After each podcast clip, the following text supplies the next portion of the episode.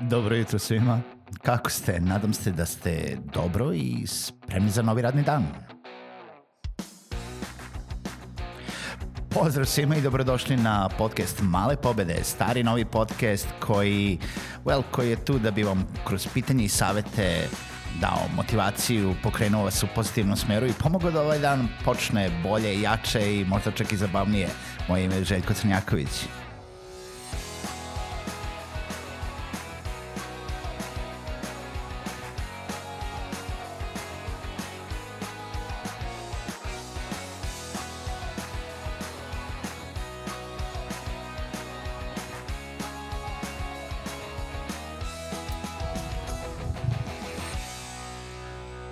Dobro jutro svima, pozdrav i dobrodošli u novu epizodu podcasta Male pobede.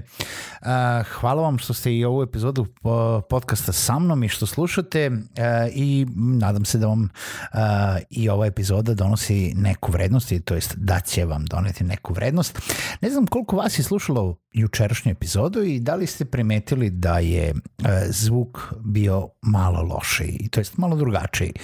E pa to je bilo zato što sam jučerašnju epizodu snimao bukvalno na mobilnom telefonu koji sam minimalno posle obradio ovaj, na računaru i uh, jel da pustio uh, u kao gotov proizvod. Zašto sam to uradio? Zato što jednostavno nisam imao vremena uh, da uh, jel da budem pored mikrofona za snimanje podcasta i jednostavno tako se poklopila situacija da sam uh, bio određeno vreme u kolima, a imao sam vremena da snimim, ali nisam bio u uslovima za snimanje. Pa sad sam uradio najbolje što sam mogao sa time.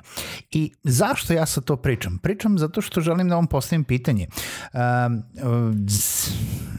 u poslednjih dan, dva sreo sam neke prijatelje, neke poznanike koji su mi se žalili o, o tome kako Pa jednostavno ne dolazi im inspiracija, ne, ne mogu da se natraju nešto da urade, e, ne znam kako da počnu nešto, jednostavno neće. A onda ih pitam šta radite? Pa, eto, e, ne znam, uzeli smo malo odmora, vreme, pa da dobijemo malo relaksacije, pa da produvamo glavu, pa da probali smo nešto novo, nešto drugačije, nešto ludo. E, kao tako, bili smo malo u prirodi, ali dobro, za šta ti treba inspiracija? Pa treba mi inspiracija za posao, za novi projekat, za neki novi dizajn, za neko rešenje ne, ne, nekog problema koji imaju zapravo sad. U mom slučaju, ne znam, možda je to bila epizoda, možemo tako da kažemo, ili tema za epizodu. I jednostavno, uh, iako inspiracija kao takva ponekad dođe i ponekad dođe iz sasvim neočekivanih uh, momenata, uh, jel da, baš tog isključenja iz svega, isključenja iz nekih dnevnih rutina i promene okoline i e, nečega što je potpuno nevezano sa temom za koje vam je potrebna ta inspiracija. E, mnogo češće se dešava zapravo da e, inspiracija ne dođe ukoliko se ne bavite e, određenim jel da, aktivnostima vezanim za jel da, tu tu, taj problem, vaš biznis, vaše poslovanje, vaš dizajn, vaš, šta god to bilo za što vam treba inspiracija. Jednostavno, ukoliko niste u toj tematici, jednostavno vam ne dođe inspiracija. Pa je moje pitanje kako vi dobijate inspiraciju? Na koji način uh, dolazite do toga da treba da, jel da, počnete da radite nešto što će biti vaš sledeći projekat, vaš sledeći dizajn, vaš sledeći,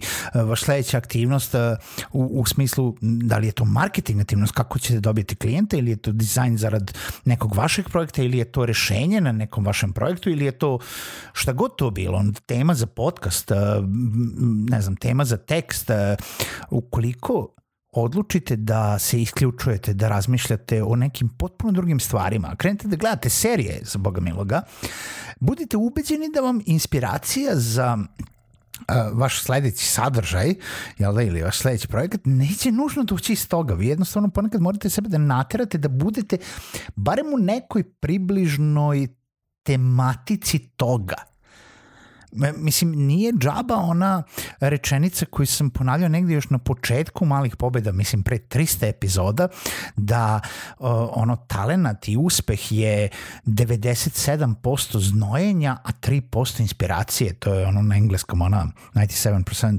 perspiration and 3% inspiration. Inspiracija ne dolazi onima koji ne rade i koji se ne bave tom tematikom. Ne, možete da budete inspirisani šta ćete sledeći gledati na Netflixu. Uh, ako gledate non stop jedno te isto, možete da budete inspirisani um, ne znam, kako ćete da napravite kućicu na drvetu ako se šetate po šumi i vidite to drveće. Ne, mislim, možda će vam i sinuti nešto ukoliko vam mozak radi u okviru tog poslovanja i ponekad je stvarno bitno isključiti se zato da bi mogli da napravite mesta za te nove ideje, ali da biste stvarali, da biste bili aktivni, da bi dobili inspiraciju za neku tematiku kojom želite da se bavite, vi morate da se bavite tim, pa makar na silu. Šta po time mislim? Mislim da sednete i počnete da pišete ili sednete i počnete da snimate ili sednete i počnete da dizajnirate ili sednete i počnete da programirate ili sednete jednostavno i počnete da bacate stvari na papir ili počnete da se krećete među opet pos, u poslovnom okruženju u kojem se nalazi taj problem koju, jel, za kojim je potrebna inspiracija ili možda nije problem, kako god hoćete to nazovete, za potrebe ovog podcasta biće problem i jednostavno unutar toga da li da komunicirate, da li da jednostavno radite, da li da razmišljate o tome, da li da počnete da radite na silu i kada ne ide i ne ide i ne ide, kao što to rade umetnici, kao što, uh, mislim, možete da vidite kod većine ljudi, jednostavno u nekom momentu će početi da ide.